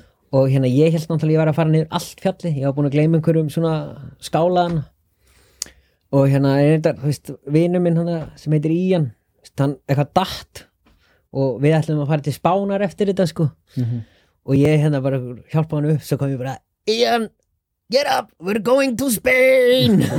Og svo bara og þetta var svo eitthvað þetta var svo skrítið skilur að því ég fór aldrei í þetta flótta state einhvern veginn. Ég bara var ok, núna er bara, þú veist bara þetta. fókuseraði bara öndununa niður og svo náttúrulega ég segi, þú veist, ég vissi ekki að væri ég var búin að gleyma einhverju skálan og allt henni heyri ég bara öskra, og þú veist, það var allt í panik einhverju því sem að fengi ofkælingu hérna, en ég segi, ég er ég er hérna þakkláttur fyrir engin meittist alvarlega og ég er þakkláttur fyrir þessu upplifuna því þetta var bara, en þú ert að kenna þetta í dag altså, þú ert Já. hjá Primal já, þú ert í streitunámskjöðum og þessi kuldanámskeið Já, í Út frá- rauninni sko námskeiði sem að ég kenni Já. sem heitir You Are Primal snýst í rauninum að því að veist, ég byrjaði að kenna Wim Hof námskeiði Mhm. og það er bara svolítið að mínum að þetta er bara einhaft þú veist, það er ein öndunatækni Mhm.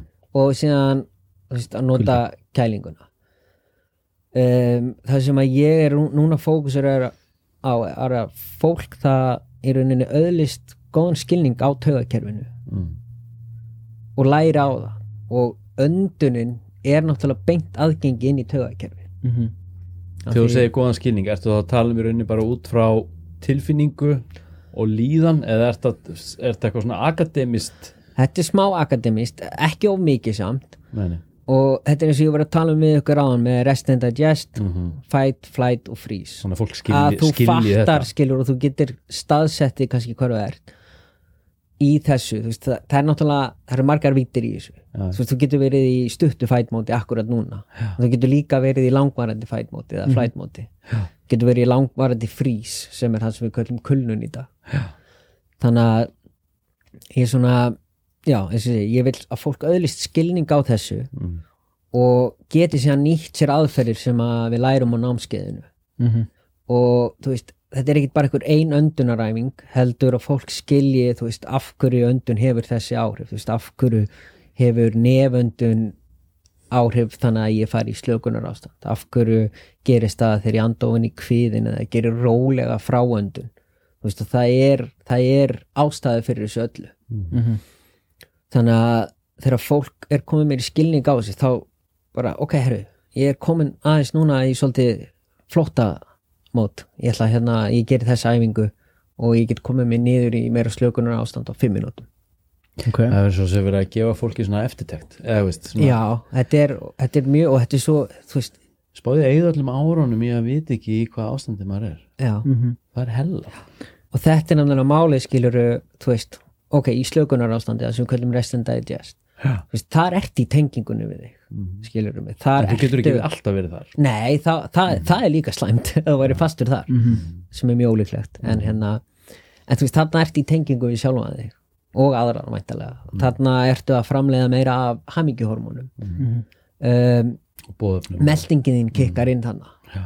þannig að það, þetta er tengingin skiljum og þannig líka minna endur heimta sig. Mm. þannig er ónæmiskerfið þitt virt. Þú veist, ónæmiskerfið þitt er ekki virt þegar þú ert í fætmóti. Nei. Að því veist, í fætmóti ert í rauninni í einhver móti þar sem þú þarft að vera berjast við eitthvað. Og flæt þá þarft að vera að flýja eitthvað. Þannig að segjum að þú verður að flýja þú veist, íspjörnin þú veist, þá er ónæmiskerfið þitt ekkert eitthvað, á, henni, það er kannski eitthvað veira hérna, þú veist, það er bara survive núna. Mhm. þannig að það er líka það sem er svolítið finnst mér vanta mikið í umræðin í dag er hvernig get ég styrt ónæmiskerfið mitt Já, Þú veist, þú það- er rauninni styrkir ekkit ónæmiskerfið með því að styrkja ónæmiskerfið, þú styrkir ónæmiskerfið með því að komast í rest and digest Já, Í þa rauninni. þannig í rauninni virkjur það Já, einmitt. skilur en svo er alls konar aðferði til þess að fara að styrka ónæmiskerfi og það er að leiðandi til dæmis öndunaræfing styrkir ónæmiskerfi, kælingin styrkir ónæmiskerfi Hvað er það sem kælingi gerir? Og hvað lengi líka, sko að þú talar um ofkælingu Já. Við til dæmis, sko, ég er búin að vera í kuldanum lengi og fyrir mér er það að lappa upp á fjall hálf allsber meikar engan sens, Ég sé ekki ávinningin annað en bara mögulega Ja, hægt, ég held þetta sé nú aðalega bara svona stönd upp á sko já. Þið líður geðagt vel eftir að gera það. Ég trúi því vel. En hérna, uh, sko, ég ætla bara ég ætla að tækla þetta svolítið svona þannig að við náum bara ágættum skilning að því strax þannig að þau eru ekki að fara aftur út í það eftir. Mm -hmm. en, ok. Ég er með kalda pottinu við hliðin á mér. Mhm. ég ætla að fara onni hann. uh, þannig að við erum í rauninni með svona þrjá heila. Veist, það er framheilin sem að við erum að hugsa um fortíðina, framtíðina, hvað ég ætla að gera núna og taka ákvarðanur og svo leiðis þar sem við erum með leitt tínd Mhm.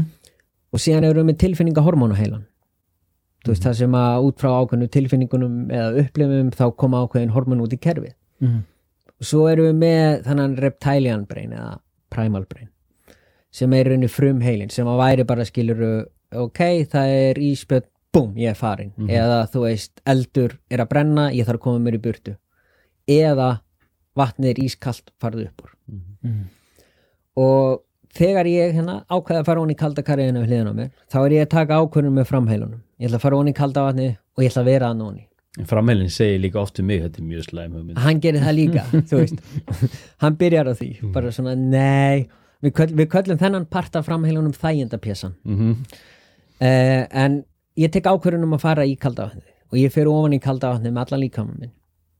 Og það sem gerist þá er að þá kikkar í rauninni þessi survival heili eða primal heilin og er bara get out, get out veist, bara þetta er upp á survival. En eða þú ferð onni og getur bara slakað á og bara tekið já, djúpan við, komum að því en fyrst, þetta samt eru alltaf fyrstu viðbröð hjá öllum Mhm. skiptir ekki máli hvað búin að vera lengi í þessu ok. þú veist það er einhver partur bara sem er bara farð úr þessu Mhm. ok, og þú svona með framheilunum nei dude, ég ætla að vera ón í þessu Aha. ok, þannig að líka minn fattar það, ok, ég er greinilega ekki að fara úr þessum aðstæðum núna þá kikkar tilfinninga hormónheilinin og hann fer að dæla alls konar hormónum mínum og fínum Já. sem sagt dopamin og öllum svona þessum fínum sem að myndu endorfín og serotonin og öllu þessu sem ætti að hjálpa þér að upplifa aðstæðunar Já. skilur um mig? En máli er, þú ætla kannski bara að vera í tvær mínútur. Þannig að þú ert búin að gera þetta í tvær mínútur og þá kemur þú úr kaldavatninu með allan þennan ávinning. Já. Þú veist, þú ert ekki að fara að vera þannig síðan í einhvern hálftíma að surviva skilur einhverjar hræðilegar aðstæður.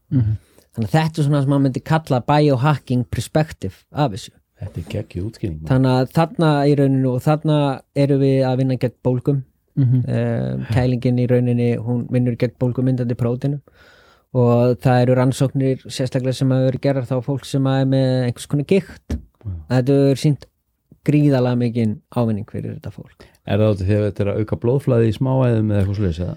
um, þetta er eins og það, þú veist, það minkar þetta minkar virknina á bólgumyndandi prótinum já, um, já, en það sem að í rauninni gerist þannig er að það náttúrulega þrengist allt æðakerfið þitt. Já, og eitt af, þú veist, surviving mechanism í þessu er, skiluru, að æðakerfið í limunum þínum, í útlimunum þrengist til þess að fá meira af rauninni af heitablóðinu inn í korið inn í líffærin og allt þetta sem er mikilvægt. Þannig að þú ert í rauninni að þrengja á æðakerfið sem er góð þjálfun fyrir æðakerfið og svo kemur upp úr skilur og æðakerfið síðan með smá tíma að opnast. Já. en þannig er líka eitt skilur með þetta af því að það er fullt af köldu blóði í rauninni ekki fast en þú veist inn í útlimunum. Já. og þetta gerist til dæmis oft í Nautalsvík að fólk fer í sjósund. Og það er bara, "Að, þetta er bara fínt maður. Ég er búin að vera hann í þrjár, fjórar, fimm mínútur eða meira. Já.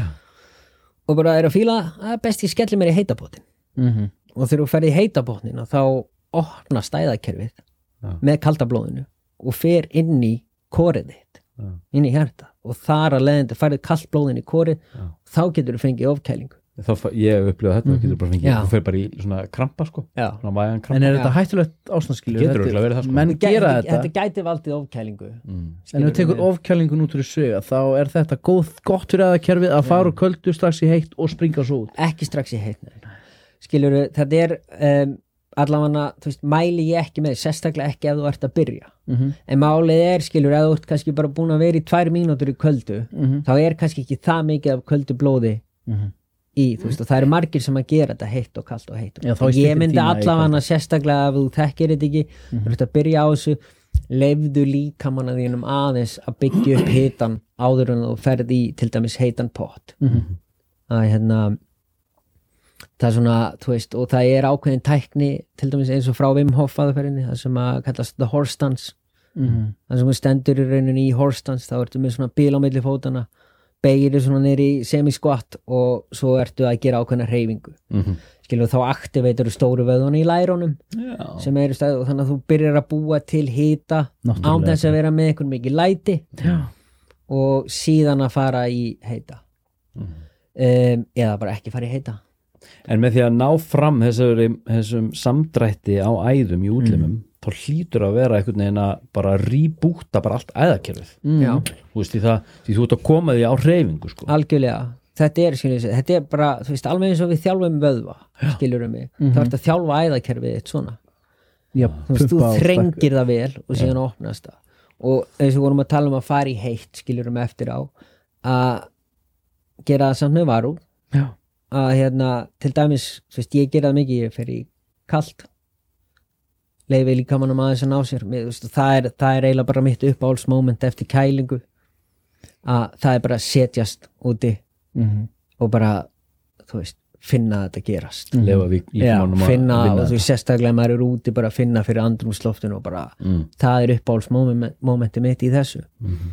síðan að fara í heitt og þegar þú fer í heitt hvað sem sé sána, ég mæli með sánanu sánan er geðveik og hún er mikið af heilsu áfning að hérna þá opna stæðikerfi og þá tekur það vel út.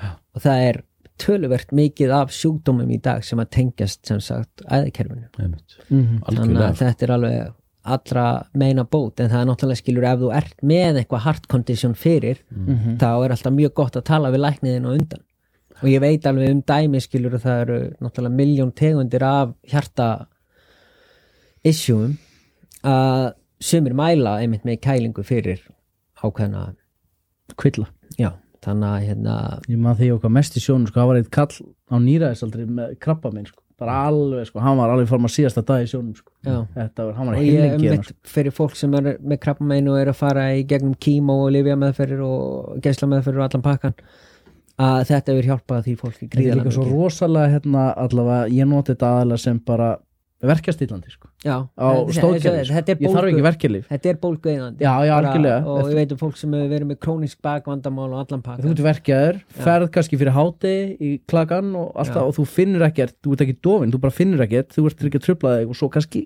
kannski nóttina kvöldi þá fer þetta svona að koma aftur skilur, svo fer að að eða sko. mér finnst Ég bara alltaf að vera heitt þegar ég er að fara í sjón Já, svo er það líka það Þú veist, sko. mér er bara, veist, eitthvað svona að vera kuldaskræfa það er bara hvarf, mér er aldrei kallt já, Nei, það er líka það skilur við, já. ef ég er, að, ég er reglulega að að Þetta, er kæla líka, mig, þetta er náttúrulega sem þetta gerist líka er að þetta hérna, hefur áhrif á brúnufitunar sko. eða brown fat cells. Já, já. það er svona hérna- s- s- sel- selspiksfitan nákvæmlega eins og hann hérna Guðlaugur sem að sent í átta tíma. Já, já, sem að syndi í skipinu sem að sökk hann í Vestmanni að hann sem var með óvenjulega mikið af brúnum fitum Hvað er, hvernig skiptist það? Við erum brúnafittan og hvernig er þetta svo? sko, þegar við fæðumst þá erum við með töluvert mikið af brúnum fitum Ok. mest af því er kringum hrygginn Mhm. sem kemur að henni upp meðfram og er sagt, hérna, við herðablöðinu kringum herðanar og bringunni Mm svo náttúrulega er okkur bara strax vafið inn í bómul þannig að við erum í rauninni ekki að vera örfið af kuldan Hann viðheldur brúnafittunni það sem er svo þú veist, það, bara, þú veist, það var talið í rauninni að það væri bara eðlilegt að þetta minkaði eftir því sem það er eldri. En það er væntalega bara vegna þess af því að við erum ekki að nota þetta. Mhm. og það sem er svo skemmtilegt með Wim Hof er að hann ná einægja tvíbura og hann er ekki með svona mikið að brúnum fytum eins og Wim Hof sem að þýðir að Wim Hof er greinilega búin að þjálfa þetta. Einmitt. Og hérna Þannig við og, getum byggt hann upp aftur brúnafittuna já, sangvað, sangvað þessu mm og þú hérna finnur það alveg, þú byggir upp þól kakot kuldan, Já. það hlýtur að vera einhver Já. ástæð fyrir því já, já, það er náttúrulega líka taugakerfið er farið að þekja Og en, en þetta, hausinn ég held og að allt, þetta sko. Já. án þess að ég ætla að að staðfesta en þá held ég að þetta hafi gríðalega mikil Tví- áhrif Tvíburinn hans Vim Hof, hefur þú séð hann? Já. Eru þeir líkir? já, Einækja eða? já, Nei, þeir eru einægja Vá, ég vissi það ekki, Nei ég, tveir nöttarar ha, eh, Hann hlýtur að vera starffræðingur eða eitthvað svoleiðis, sko. man ekki hvað hann var hann, Eða arkitekt eða endurskoðandi þú ætlar að gegja að fá vinn hoff hingað er hann ekki stundum á Íslandi? Nei, hann kom Jú, fyrir nokkur hann hefur komið hérna svo var hann hann með ívent eh, held ég 2019 í. Hörpu er hann ekki frekar svona hot potato? er hann ekki svona svolítið vinsæll? Jú, hann er og hann er, hann er ógeðslega skemmtilegur þetta er algjör en, stjarnar en hann, svona er, hann, er, líka, hann, sko. er, hann er svo einlægur samt skilur Mhm. þú veist, þú kannski ser hann í fyrsta skipti og bara spá í því þegar hann var að byrja í þessu þú veist, Mhm. fólk var bara, þessi gaur er bara snar klikkaður skilur sem hann örgulega kannski svolítið er já, sko. en, en þú veist, fólk held hann væri bara að bulla eitthvað já. allt sem hann var að segja fyrir mörgum árum er núna, núna spekt up by science já, og nákvæmlega hann Þú laði veist, og mikið á var sig ekki, að hann var komast ekki sko. þá með veist, þetta var Nei, bara frá var hans þetta var bara út frá tilfinningu já, Já. þannig að hérna ég er svona En hann var líka tilbúin til að leita í rauninni nýra leiða út frá bara stað sem á einkendist af algjöru örvendingu sko. Hann er bara komin út í hotn sko. hann náttúrulega, þú veist, konan að draf sig út frá þunglindi og, og hérna Já. Og það er vesen. Með börn og Já, allt í já. gangi og, og ofan á bara örgulega vesinni svo búið í gangi áður en hann upplifir þetta áfall sko. vegna er hann líka svolítið mikið passionate með þetta skilur mm. Mm. af því að þetta hefur gríðarlega áhrif líka á fólk sem er með kvíða eða þunglindi Mhm. þú veist, það er bara mörg dæmi um það fólk sem hefur verið að klíma við þunglindi og fyrir þetta, það er bara þú veist, það upplifir bara nýtt líf og gleymist það á stund og svo bara Já, þetta er náttúrulega skilur kælingin er þannig séð hún er þú veist, hún þvingar þig í vitund núna Mhm. þú ert ekkert í kuldanum eitthvað að ég þarf að kaupa þú veist, í matin á morgun Já, hef ekki krakkan í skólan og ég var búin að gleyma þessu þú veist, þú ert bara þú voru að halda 100% eins og og, það er sjónum. einmitt máli skilur þegar þú nærði þessu moment í kuldanum þar sem að þú actually surrenderar Já. en þessu fyrstu viðbröðin eru bara þú veist Já. að berjast við þetta, að komast út úr þessu svo þegar þú nærði þessu bara ah, þetta er svo gott Mhm.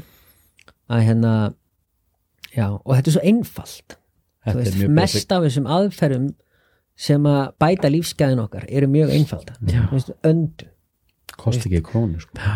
við erum með, Íslandi, erum með besta súrefni við, með besta vatni þú veist, notum þetta, Mhm. hreina sjó, reynan sjó skilur smá skolprindar ekki allstað ekki alltaf en öll þessi Já. einföldu atrýst og svo skilur við bara sofa vel, skilur við fá nægan svefn og líka góð svefngæði fara út fá byrtu í augun, skilur reyfa líkamann.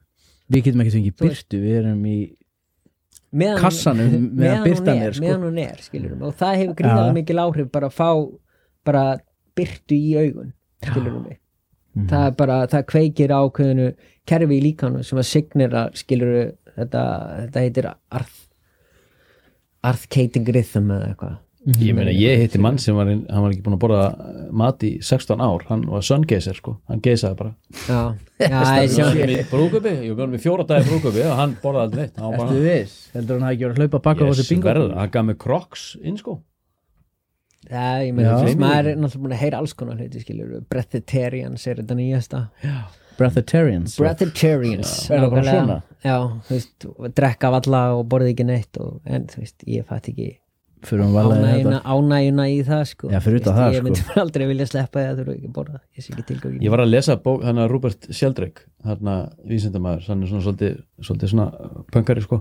Mm, hann, hann er einmitt að, ég var að lesa kaplið mitt um þetta sko. Mm, hann var búin að vera að gera rannsóknir á þessu og, og það var búið að loka fólk inn í tvær vikur og það borðaði ekki neitt og það, bara, og það misti bara ekki eh, gramma fyttu sko. Nei, og það er líka, í sömu bók þá las ég, þetta mjög fyrirlegt sko að í rauninni þú sko, þú notar fleiri kaloríur en þú innbyrgir í fæðu.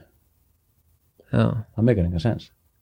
Það er bara, það er ákveður Það er bara svo margt sem að skilur meikar skilur sens það er núna. bara eins og það er bara eitthvað hluti af þeim kaloríum sem Já. þú ert að brenna komi annars staðar frá. Já. what the fuck? En þú veist, svo þegar við spáum í því, skilur þá eru við basically bara orkaði tíðni. Þú veist við erum atómið er 99,99997% tíðni eða rými Já. svo er náttúrulega þýr að við erum það líka Þannig þetta að er eins og ég segi við börnin í skólanum sko, ef þú getur pásað allt þá myndi allt hverfa já, púf nema bara eitthvað svona lítið bön já, ha. en heyrðu, ok, við eigum að kæla við eigum að hérna anda, sérstaklega anda sko. anda og hérna sofa hreyfa okkur, hreyf okkur, borða. Drekka kakó ef við viljum. Ef við er viljum. en bara- bara... eins og með matinn skilur við, þú veist, ok, jú, auðvitað borðum við en skilur við, hvað borðum við? Hvað, Hvernig- hvernig borðu hvernig og hvenar borðum við, tyggja, tyggja vel. Tekja vel. Eigum við að borða silosopín sveppi líka? Við ætlum að fara í það, við ætlum að enda á því. Kíkjum á það. Þetta er svolítið kontroversialt sko. Uh, sko en þetta er mikið að breytast. Spáðu í því, nú er allir að tala um sveppi og það bara má já, það gekka það er allir bara eitthvað að mikrodósa eða kannski ekki allir en margir, það er verið að mikrodósa það er verið að fulldósa, það er verið að vinnur áföllin hér og þar og allt í gangi. Sko, hefurðu, af hverju hvernig og í hvaða formi? Ég heyr oft tala um ásetning mm. samhengi, aðstæður, magn. Mm. Sko, máttu tala um þetta? Þú ætla að vinna fyrir eitthvað fólk eitthvað Er- verður ekki bara reikin á morgun nei, ég var ekki ekki ok, En hérna, sko og ég hef alveg talað um þetta áður, sko. En hérna náttúrulega fyrst til ég pröfa seppi það er á þessu tímabili þegar maður er að djamma, skilur og hérna, en reyndar þegar ég gerði það þá, þá bara svona, einhvern veginn var ég bara heitt það eru stjörnur hann úti. Ég er farin úr þessu partíi, skilur var allt skýrara? Það það var náttúrulega í bland við einhver annað sko mm. en það var allt einhvern veginn meira lifandi skilur um mig Svona vivid já.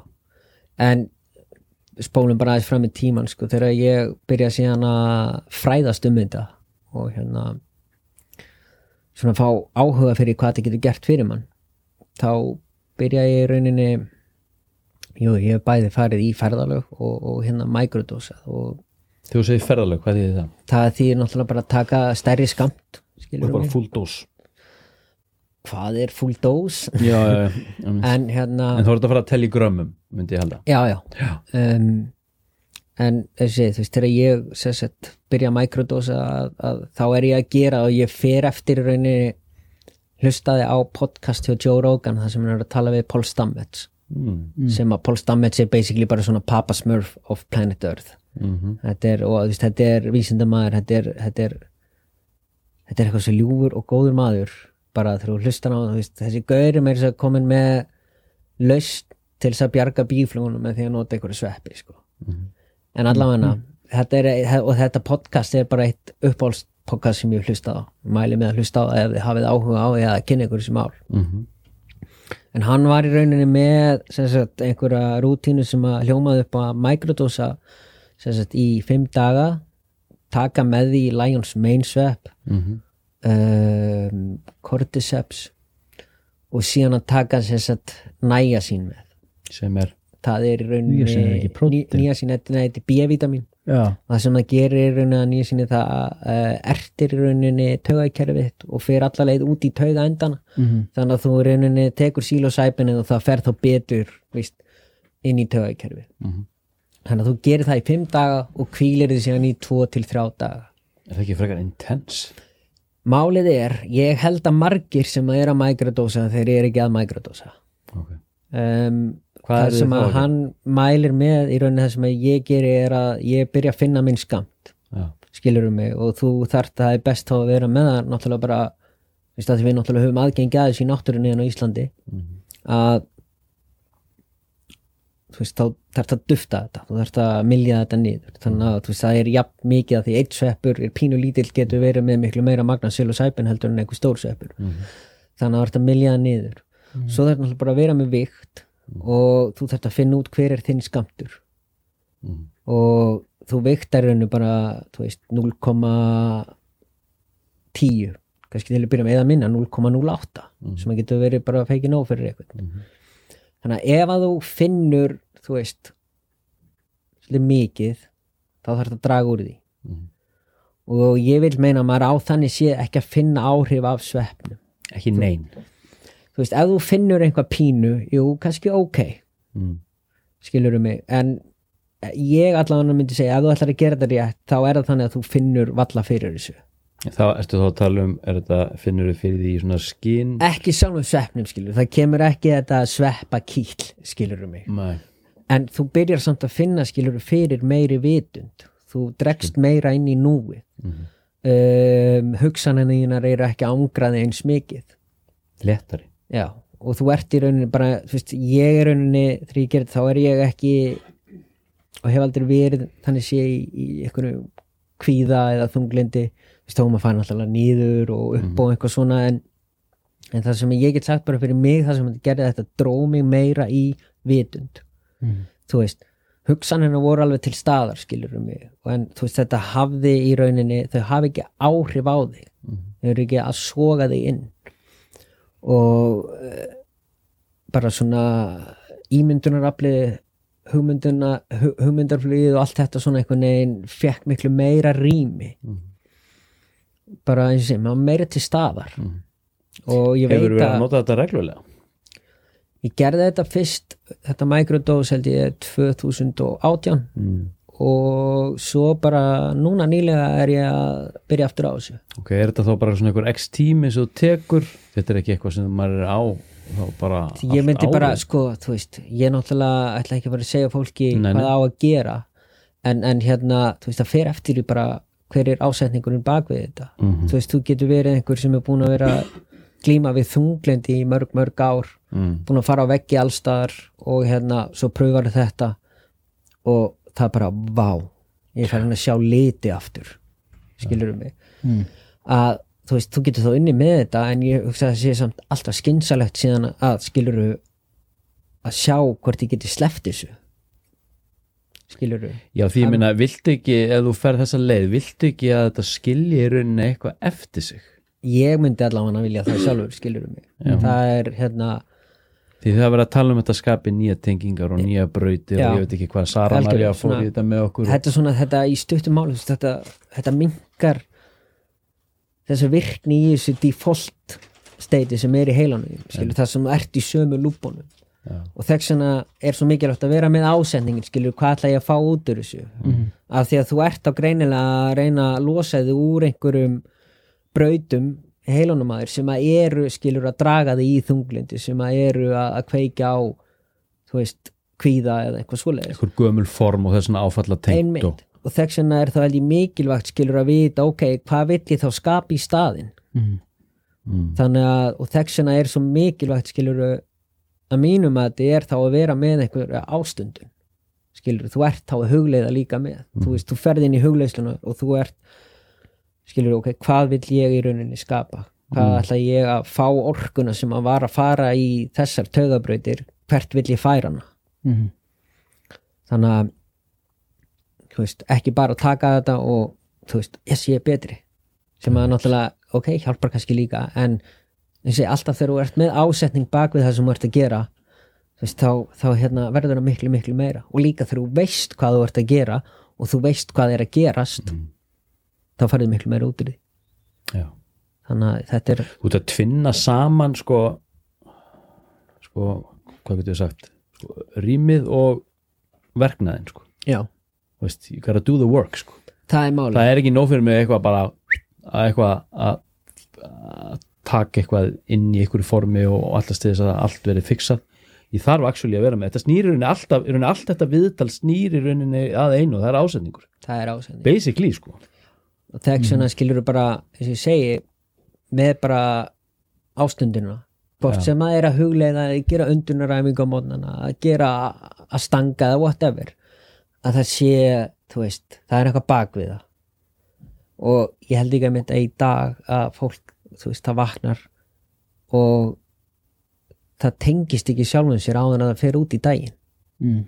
skilur mig, þú vaknar bara drífið þig fram úr, kannski bara kaffibóli strax hendið er í sturtu eða ekki skilur finnur ekki fyrir vatninu. Þannig að ég held að það mikilvægast í þessu öllu er hver ætla ég að vera í dag skilur, þegar ég vakna og mín leið er að taka öndunaræfingar og hugleyslu þú veist, ég náttúrulega þú veist, fyrir mér er þetta þannig sé sami hlutur. Þú veist, ég get gert Wim Hof öndun sem að kveikir á öllu farið smá vel líðan að því veist, juicy hormónar sem að fara mig til að líða vel og svo ég framaldi bara inn í senni skilur mig. Og þá er ásetningurinn að tengja skilur ég er með þennan tilgang sem að ég er að fylgja. En síðan er kannski ok, meiri að fara í markmiðin í dag. Þannig að þegar þú vaknar þegar þú tengist sjálfum þér bara þú hefur vald, hver ætla ég að vera í dag svo þú eru klára daginn. Fara yfir daginn. Hvað var nærandi, hvað ætla ég að taka með mér skilur, hvað þjóna mér ekki? Svona lokum, ertu með eitthvað langtíma markmið? Nú erum við búin að tala um markmið og ásetning. Já. er eitthvað langtíma gig? Uh, sko ég sé alveg að tilgangi minn er að koma snær sjálfum mér þroska og, og, og, og hérna næra vaksa til hvers? Til þess að mér líði betur skilur þú veist að ekki að mér líði illa en ég er með þennan líkama ég er með, þú veist þessa maskinu og það eru billion potentials til þess að upplifa sjálfan sig meira. Mm. og, og hérna í rauninni bara, þú veist, hvernig get ég orðið betri útgáfa af sjálfum mér?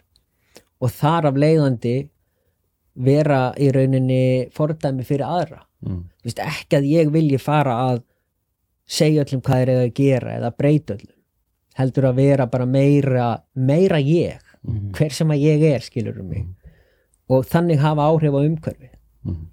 eh, svona efnislega þú veist, þá vil ég bara í rauninni byggja meira, ég er komin með land, ég er komin með húsnaði hérna rétt fyrir utan bæinn og það er að búa til þú veist, atkvar, búa til space fyrir aðra til þess að koma og tengja sjálfu sér og næra sig. Mhm. svo bara hafa gaman að þessu. Mhm. það er númer 1, 2 og 3 skilur þetta sé skemmtilegt. Hætt að væla, hægt að væla. Hlæja svolítið. Hlæja, Mhm. gera grín af þessu. Já. gera grín eins og þú veist vorum að tala um aðan með þú veist, í andlega samfélaginu skilur þú veist, maður, það fullt að gerast í þessu þú veist, og ef, að, ef að maður getur ekki hleyið af sjálfum sér skilur fyrir að vera að drekka kakó í einhverjum hóp og syngja möntru skilur, sem er æðislegt og það er nærandi skilur Mhm. en það er líka svona hippi dippi vúvú Mhm. og ég elska bara vúvú skilur, mér finnst bara gaman að því það er nærandi fyrir mig að vissu marki Mhm. þannig að Gegn. the cosmic joke skilur Mhm. þetta er nefnilega bara allt algjört grín sko. Já. Deadlift er líka bara grín deadlift er geggjað sko. en Já, það er segja bara eða, eða, eða hvað sem það er sko. Já, heyrðu, það verður að vera hægt að ræða hlutina sko. Það var geggjað að fá þig Arnór. Það eru bara geggjað að koma. Mm. hann að þú slafst vel undan þessu. Ég fór í svolítið ham í gær sko. ég var að skrifa handritið í Já. Það var alltaf hotniður ég var, fuck, ég meikið þetta ekki lengur. Allt þetta lið. Já, allir svo andlir og allir svo þetta og allir svo hitt. Þú veist, hvað er að vera andleg? já, einmitt. En þú bara, Það var flott. Já, það var mjög flott. Ég er mjög ánægð með þetta, samtal. Og algjörlega, ég tek mikið tíminn Geggjað. Herðu, við ætlum að fara að ljúka þessu. Uh, Nú ætla ég að fara í smá kynningu hérna, og smá loka orð frá altså, uh, sponsorum. Mm. Og gjafir. Og gjafir sko, Fæ ég gjafir Þú fær fullt að Ég- gjöf Baðar í gjöf. Þú ert búin að gefa okkur gjöf og þú, far, þú kemur ekki tómyndur út. Herðu, hljóðeinangrun frá Þótt Þorgrims Mhm. Það er ekki bara gott fyrir BDSM dýblusuna, Það er líka hugleislega herbyggið huglislegarbyggið og ég var hérna í gær, ég var að tala við hann Daniel vinn minn.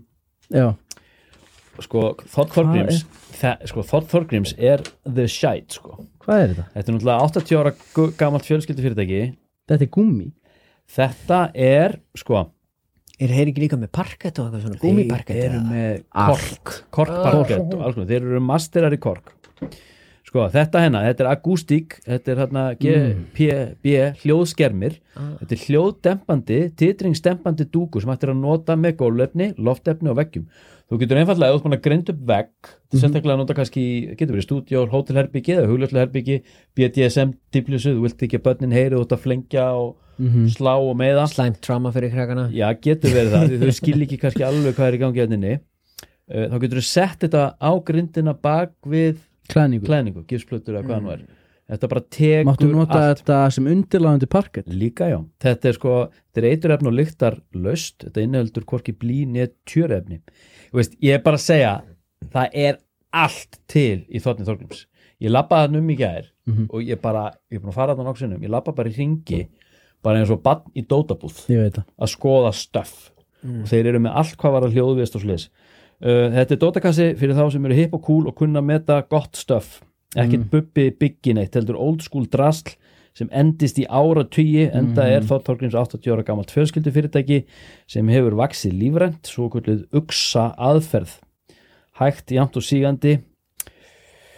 Vinur kunnans með sameiginlega velferða leiðaljósi Mhm. Amen. Mhm. Arnór, hér er korkur May the cork be with you. Yes, Þetta eru glasamáttu fyrir kakóið Næs Það verði ekki lætið þegar ég legg bollan frá mér Nei, nei. nákvæmlega Herru, þá ætlum við að fara yfir í gott CPD Þeir eru bæði, allt svo það gott CPD.is Mhm. sem og uh, búð upp í Urriðaholtstræti fyrir ofan Costco Mhm. Nú ferðu að Sko, Nú ferðu að já, ég ætla að sína þetta hennar stöf. En mér langar að segja, það ringdi þú það er alltaf að ringi í mig lið varandi CPD og oljurnar og ég er stanslust eitthvað að- gefa svona eitthvað ráð aðeins út frá einu reynslu annars segi ég fólki að ég viti það ekki. Mhm. en það ringir í mig maður en daginn sem er búin að vera á uh, kvíðastillandi livjum í þrjú ár. Búin að taka pillur upp hvern einasta dag og hann segist að hafa áhuga á að hætta þeim og ég vil taka fram, ég er ekki að ráleggja fólki að hætta á kvíðalifum, ég er bara að segja þessa sögu eins og hún er. Og ég segi já, ég meina ég hef heyrt að þetta reynist vel og hann fer og kaupir hérna olíu upp í Urðuhálstræti Mhm. þessa nei, hérna, þessa, hann kefti þessa. Þessa hér Já. Þessa hér þessa já, þessa 2000 mg leikuolíu Þessi góð? Eftir fjóra daga þá leiði honum það vel. Hann var það slagur eins og smjör. Hann ákveður að taka ekki kvíðastillandi töfluna sem hann Mhm. vannur að taka. Mm -hmm. Og þegar hann ringir mig þá eru eh, liðin, liðinar tvær, tvær vikur cirka, þar sem hann var búin að vera pillulaus. Og hann var blown away by it sko. mm. hann fann þetta bara? Já, strax. Og hann að mm. velkomin að fá þér, ef þú vilt. Þetta er hérna, Ég er góður núna. Þú góða núna. Sko, en, og sagan með eh, stelpuna með söfleysið mm. það er eitt. Mm. stelpa sem ég þekki sem gæti ekki sofið svaf fyrstu nóttina það er alls konar ég er bólgulaus, ég er dead eins og boss ég, að- finn þetta á mér, ég er svo rosalega ofirkur þegar ég mæti vinnun á mótnan að fæða mig fyrir, fyrir kaffið Já, Hérna. ég- sko- ég hef heyrt það þetta, Þetta bara- veist, ég hef í rauninni bara notað þetta ef ég er bara ok, núna ætlum ég að fá mér geðveikan svepp já, og, og það er bara mjög gott þetta er sko. svona jarbundið, þetta er svo er þetta náttúrulega spurning þarf þetta, þetta getur náttúrulega líka Já. verið huglægt en það er Já, gott þá líka ég er sko. bara svo sultu slagur að hérna, ég hef ekki gott að þessu daginn sko. þetta hérna, Nei. gamli stóner sko, þetta er THC frýtt weed leðan að finna líkt af þessu. Við prófum undir daginn, þú reykir þetta. Næs, þannig að maður getur reykt á þess að vera eitthvað bólu friðin þú getur bara reykt á þess að vera freðin Já. þú verður ekki freðin, þetta inniheldur hérna, en þetta er svona þá kannski meiri slökun eða þetta er bara þetta er, þetta hérna sterkt uh, CBD í rauninni, sko, í rauninni bara, þetta er bara flott inntaka af CBD í gegnum lungun veist, fyrir þá sem að hafa áhuga því. Mm. og hérna og ég var ekki búin að reiki í mörg ár og ég tók einn smók onni með þessum daginn og þetta var bara eins og silkipúði. Já, það var ekkert, ég fekk ekki hóstakast eða Nei. neitt. ok. Ég sá það. Þannig að þetta er líka mjög gott fyrir lið sem vill kannski hætta að reykja sér ræpu skakt alltaf uh, en veist, vill kannski bara fara meira út í þetta sko, þannig að það þarf ekki að hætta að reykja mm. en það getur hætta að vera skakt. Mjög sniðut, mælum þessu. Reykt upp rétt Ég, getur, já, algjörlega, því Mm, CBD já. er actually gott fyrir þig sko, en ég þekki ofneðslu og misnótkun á THC og hún er ekki góð fyrir mig. Nei, ég fó, fó bara í alls konar geðróf og, og ruggl og þráhyggjur sko. Mhm. paranoir herru, nóg með það. Sko, uh, mér langar að minna fólk á að það er tilvalið að kaupa jólageðunar í ár upp í hérna, búð eða gott CBD, ég ætla að fara þangað. Mm -hmm. kaupa oljur, fótakrem og svoleiðis. Og það er komið nýr afsláttakóði sem gildir fram á jólum gefur 20% afslátt uh, og sá kóði er græn jól. Græn jól. Með litlum stöðum Óðinn er græn jól. Mm -hmm. þið getur notað þetta bæði í netuslun og upp í búð. Æs. uh, og með það að leðaljósi með the CBD eða með the happy with you. Þetta er handóbörður Næs þetta er algjör snilt. Já. læknar allt kuldaeg sem allt ég, ég get votta það sko. þú getur vottað það, þú getur líka vottað, vottað það á sinniðinum sem að- já, nú er nómabir, ég prófaði þetta senst fyrir einhver ári og hann hefur ekki fengið kuldaeg sem síðan sko. búin að vera þjakaðar í ár sko. Það er nefnilega magnað magnað heilunar power í þessari plöndu Já. Það er það sko. Engin spurning. Arnór, bara takk fyrir að koma. Herru, takk fyrir að bjóða mér. Bara kikið kannski einhvern tímann aftur heldur Namaste. betur, mm, namaste. heyrumst force be with you Takk